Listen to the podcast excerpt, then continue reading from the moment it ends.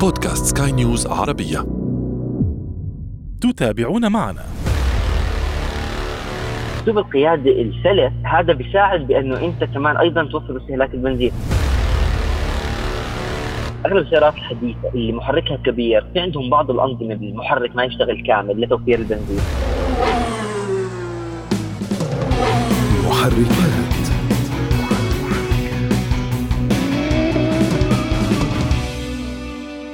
نحن في أمر واقع. أسعار البنزين ترتفع ومركباتنا عزيزة علينا. فإما أن نبيعها أو أن نتعلم كيف نوفر من استهلاك الوقود قدر المستطاع. ابقوا معنا. أهلا بكم. أنا أشرف فارس واصحبكم في هذه الحلقة الجديدة من برنامج محركات حيث نساعدكم في تقوية ثقافة المركبات لديكم. كلنا نعيش أزمة ارتفاع أسعار الوقود وبالمناسبة هذه ليست أزمة وقتية بل هي حدث متكرر منذ عقود. بعض الأسواق مشبعة بمركبات الدفع الرباعي والمركبات ذات المحركات الكبيرة نسبيا.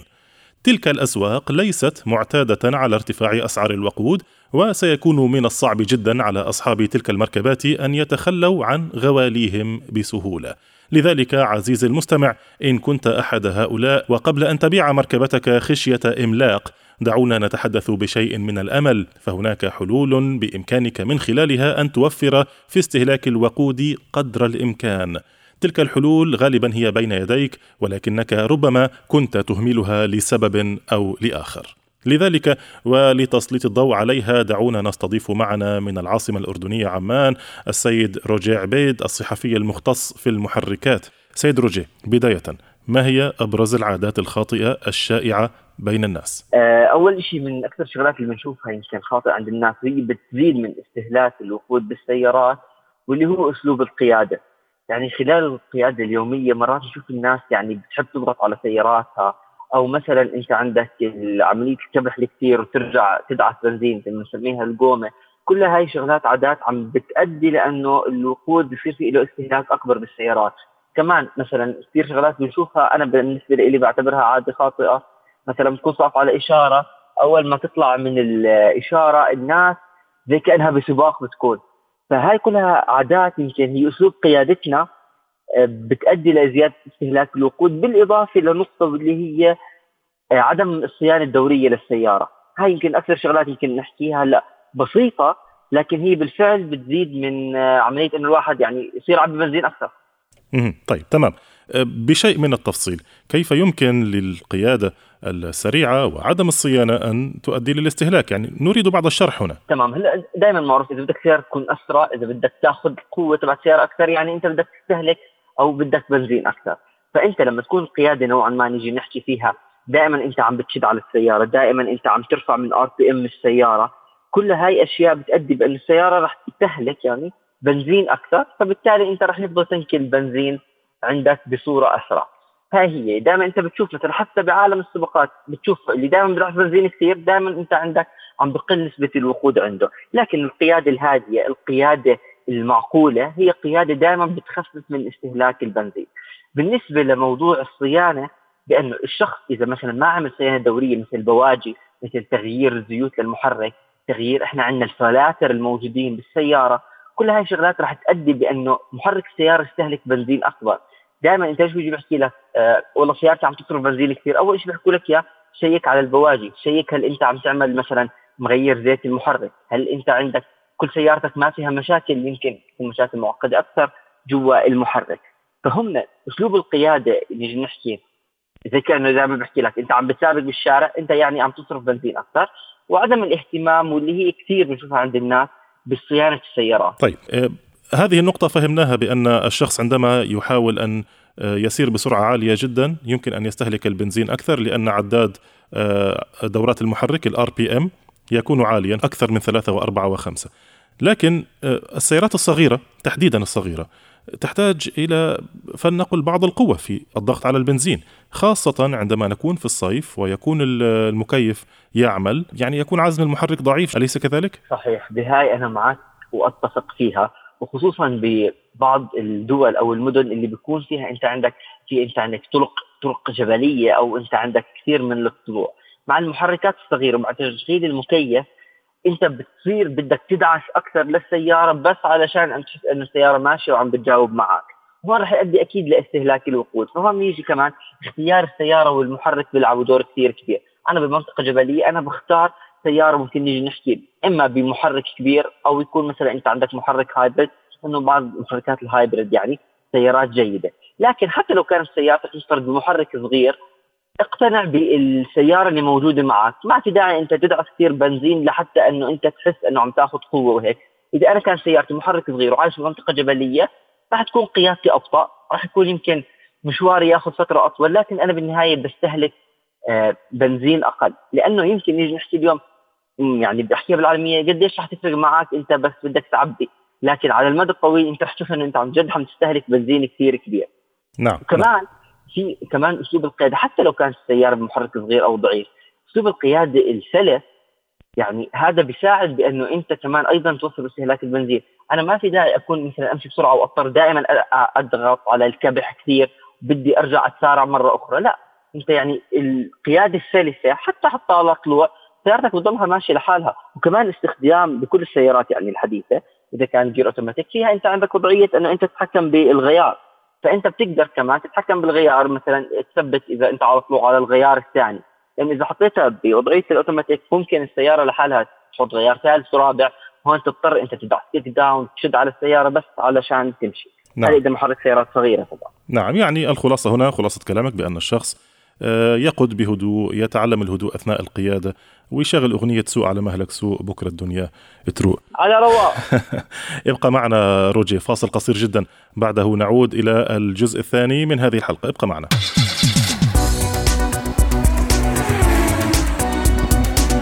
أهلا بكم من جديد مستمعينا الكرام حديثنا عن استهلاك البنزين في السيارة وفي مركبتك وكيف يمكن أن يزيد وكيف يمكن أن تخفضه أنت بنفسك. في الجزء الأول تحدثنا عن أسلوب القيادة، في الجزء الثاني ضيفنا روجيه عبيد كان يتحدث عن النصائح الميكانيكية لذلك هنا روجيه نريد أن نركز أكثر على الجوانب الفنية والميكانيكية فيما يتعلق باستهلاك الوقود. أعطيني يعني أنت قلت بأن الصيانة الدورية مهمة لكن لم تفصل هذه النقطة بالتحديد، أعطيني فيها بعض التفاصيل لو سمحت. تمام هلا آه، دائما أول شيء الواحد إذا كبداية لازم تعمل صيانه دوريه للسياره رح تطول من عمر السيارة. ما يصير عندك مشاكل مشاكل كثير كبيره، لكن كمان هاي الجزئية بتلعب دور ب استهلاك الوقود. لأنه أنا إذا كان عندي عدة أشياء أساسية منها زيت المحرك منها البواجي فلتر الهواء تبع المحرك هاي الشغلات الأساسية. إذا كان لازمها تبديل الواحد مش لازم يتأخر عليها لأنه بتزيد من صرفية الوقود. اثنين ممكن الوقود ما يكون يحترق بشكل جيد. كمان في بعض المواد اللي تستخدم تنحط يعني لما الواحد يعبي السياره بنزين بتنك البنزين بتساعد بانه الوقود يحترق أكثر وأفضل خصوصا انه ببعض الدول يعني ممكن الوقود ما يكون نقي 100% يعني يعني نظافة البنزين بتختلف من دولة لاخرى فهاي المواد اللي يفضل بأنه بين كل فترة وفترة تنحط مع البنزين أو لما تعبي بخزان الوقود كمان بتساعد بانه الوقود يحترق أفضل. واحدة من الشغلات الثانية يمكن تستغرب منها واللي هي إطارات السيارة. إذا إطارات السيارة بحالة ممتازة فأنت السيارة أنت عندك رح تتسارع بشكل كثير منيح وبشكل كثير أسهل. وهذا رح يساعد بأنه أنت ما رح تصرف بنزين. لو كان الكاوتشوك أو إطار السيارة نحكي ماسح أو منتهي عمره السيارة ممكن يكون دائما ما فيها التماسك. ممكن السياره أنت تدعس بنزين أكثر العجل محله يفرق أو ما يكون السياره تسارع بشكل كثير كبير. فهاي النقاط يمكن تيجي تحكي أنه ليش بدي أعملهم لكن هي بالفعل جد راح توفر بنزين طيب. وأنا كثير مرات يعني بعرف أشخاص يعني م. ما بيعمل صيانة لسيارته بحكي له والله السيارة عم تستهلك بنزين بحكي له اعمل هدول الشغلات البسيطين واللي ضروريين تعملهم وتشوف بانه مصروف وقود السيارة كثير رح يتحسن. طيب آه، روجي بما أنك فتحت هذه النقطة عندي سؤال. آه، نظام العادم أو الإكزوست بالإنجليزي البعض يقول بأن له تأثير على آه، استهلاك البنزين والكثير من الناس لا يقتنعون بهذه النقطة. يعني قد تكون هناك أدخنة وعوادم وروائح تخرج من عادم السيارة ولا يكترث لاصلاحها طالما أنه يعلم بأن المشكلة في نظام العادم. هل له فعلا تأثير على استهلاك البنزين؟ وإذا كان نعم كيف؟ طبعا. هلأ نظام العادم لأنه هو متصل أصلا بمحرك السيارة. فإذا أصلا بالسياره بيطلع نظام العادم تخني سوداء وهيك رح تعرف بأنه في مشكلة بمحرك السيارة. إذا في أنا عندي مشكلة بمحرك السيارة أكيد في أنا عندي استهلاك وقود أكثر. وعشان يمكن بعض الأشخاص اللي بحكي لك إنه كيف بزيد من صرفية الوقود شغلة بسيطة. إذا شخص بشيل ال exhaust الأصلي تبع الوكالة وبركب واحد من الاكزوستات الرياضية اللي هي بتزيد من تأدية السيارة راح يزيد صرفية الوقود. النظام العادم جدا مهم. يعني إذا كان في مثلا آه، مشكلة معينة كان بده تبديل صيانة جدا أساسي بأنه أنت اليوم أول شيء راح يأثر على عزم السيارة. على تسارع السيارة على أداء السيارة وعلى صرفية الوقود. فاللي معلومة خاطئة يمكن عند الناس بانه ال exhaust ما له دخل صرفية الوقود. أي شيء متصل بمحرك السيارة هو له تأثير مباشر بأنه هل السيارة عم تستهلك وقود طبيعي أو أكثر من الحد اللازم طيب جميل جدا يا روجي أنا أعتقد بهذا يعني أجملنا أبرز ما يمكن أن نقوله في أو أن نقوله في النصائح الميكانيكية حول هذا الموضوع. ابقى معنا روجي فاصل قصير جدا بعده نعود لما تبقى لدينا من برنامج محركات.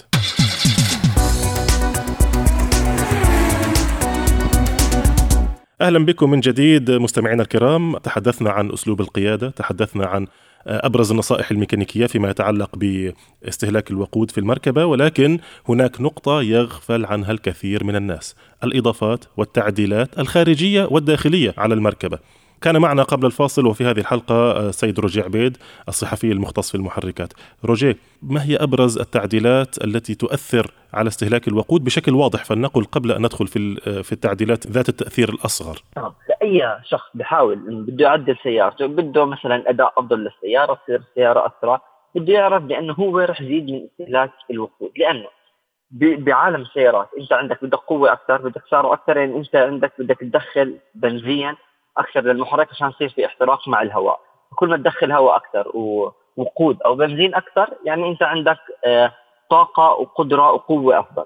فهاي التعديلات اللي بتصير بعض منها مثلا تعديل نظام ال exhaust تعديل على نظام فلتر الهواء تعديل حتى يمكن على المحرك بغض النظر شو نوع التعديل لحتى أنت تزيد القوة إذا ما عم بتزيد بدخول الهواء أنت عم بتزيد باستهلاك الوقود. فعشان هيك بنشوف دائما أصلا السيارات المعدله دائما هي سيارات تستهلك وقود بشكل كثير كبير ليش؟ لأنه كل هاي التعديلات أنا بدي أدخل وقود أكثر يصير في احتراق داخل المحرك طيب آه، النقطة الأخيرة روجيه آه، عندي هنا سؤالين ولو كان بالإمكان أن نجملهم بشكل سريع. المحرك الكبير والمحرك الصغير البعض يقول لك بأن المحرك الكبير ينفق بنز... يستهلك بنزين أكثر. البعض يقول لك لا المحرك الكبير لا يستهلك بنزين أكثر لأنه لا يحتاج إلى دورات كثيرة من المحرك. ما الصح وما الخطأ هنا فيما يتعلق بالمحركات الكبيرة؟ بالنسبة للمحركات الكبيرة صحيح. هلأ وعم نحكي عن السيارات الحديثة. أغلب السيارات الحديثة اللي محركها كبير في عندهم بعض الأنظمة بأنه مثلا آه، يفصل عدد يعني المحرك ما يشتغل كامل لتوفير البنزين. فيهم بتكون نظام قياده أو driving mode واللي هو ال eco لتوفير البنزين أكثر. لكن كمحرك كبير ممكن مرات يكون أوفر من محركات صغيرة. ليش؟ لأنه أنت ما بتضطر تدعس دعسة البنزين على الآخر تشد على السيارة فقط لأنه أنت بدك تتسارع أو تطلع طلوع لأنه أصلا المحرك قوي جدا بيكون. يعني نقارن سيارة بمحرك مثل 1300 CC وسيارة 3000 CC على طلوع اللي راكب بالمحرك الكبير راح يكون دعسه كثير أقل واستهلاكه كثير أقل للوقود من السياره 1300 طبعا عم نحكي عن فترة طويلة ومدى بعيد مش لمدى قصير. فدائما مرات المحركات الكبيرة بتساعد بأنه أنت توفر بنزين لأنه بكل بساطة ما بتضطر تدعس بنزين كثير لتمشي السيارة براحتها. طيب تمام. آخر نقطة في 30 ثانية بشكل سريع. آه البعض هذا الموضوع ليس متعلقا باستهلاك البنزين وإنما متعلقا بكمية الوقود الموجودة في الخزان. البعض يقول لك بأنه عندما تقوم بملء الخزان بشكل بطيء تكون قراءة العداد صحيحة كمية اللترات صحيحة وعندما تقوم بالتعبئة بشكل سريع. هذا الموضوع اشرحه لي إذا كانت فيه نقطة ما. هلأ آه لما أنت تعبي الوقود بشكل سريع ممكن تدخل آه يعني تدخل بنزين يفوت هواء أصلا مع التعبئه على خزان الوقود فهون ممكن تعطي قراءة خاطئة ل يعني حسب جوا السيارة وحتى يمكن ما تكون مطابقة للي أنت عم بتعبي فيه البنزين. ومش بس هيك كمان كمان مرات بتفرق متى انت بتعبي بنزين إذا الصبح ولا الظهر ولا كانت الدنيا شوب ولا باردة.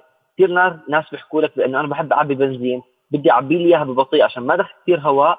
وكمان بحبوا يعبوا الصبح بكير لما درجه الحرارة منخفضة بتكون كثافة الوقود أعلى. فأنت هون أنت عندك تستفيد أكثر من هذا الموضوع.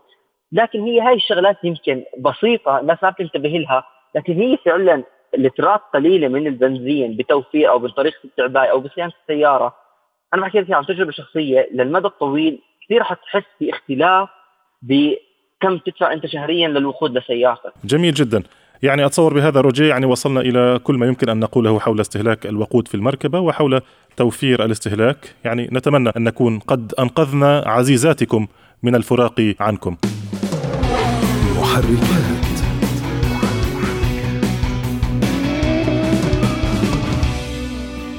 إذا كان معنا في هذه الحلقة الصحفي المختص في رياضة المحركات روجي عبيد. صحبتكم أنا في هذه الحلقة إعدادا وتقديما. محدثكم أنا أشرف فارس. وفي الإخراج الفني كان معي إيدي طبيب. دمتم دائما وأبدا. في أمان الله. مع السلامة. محركات.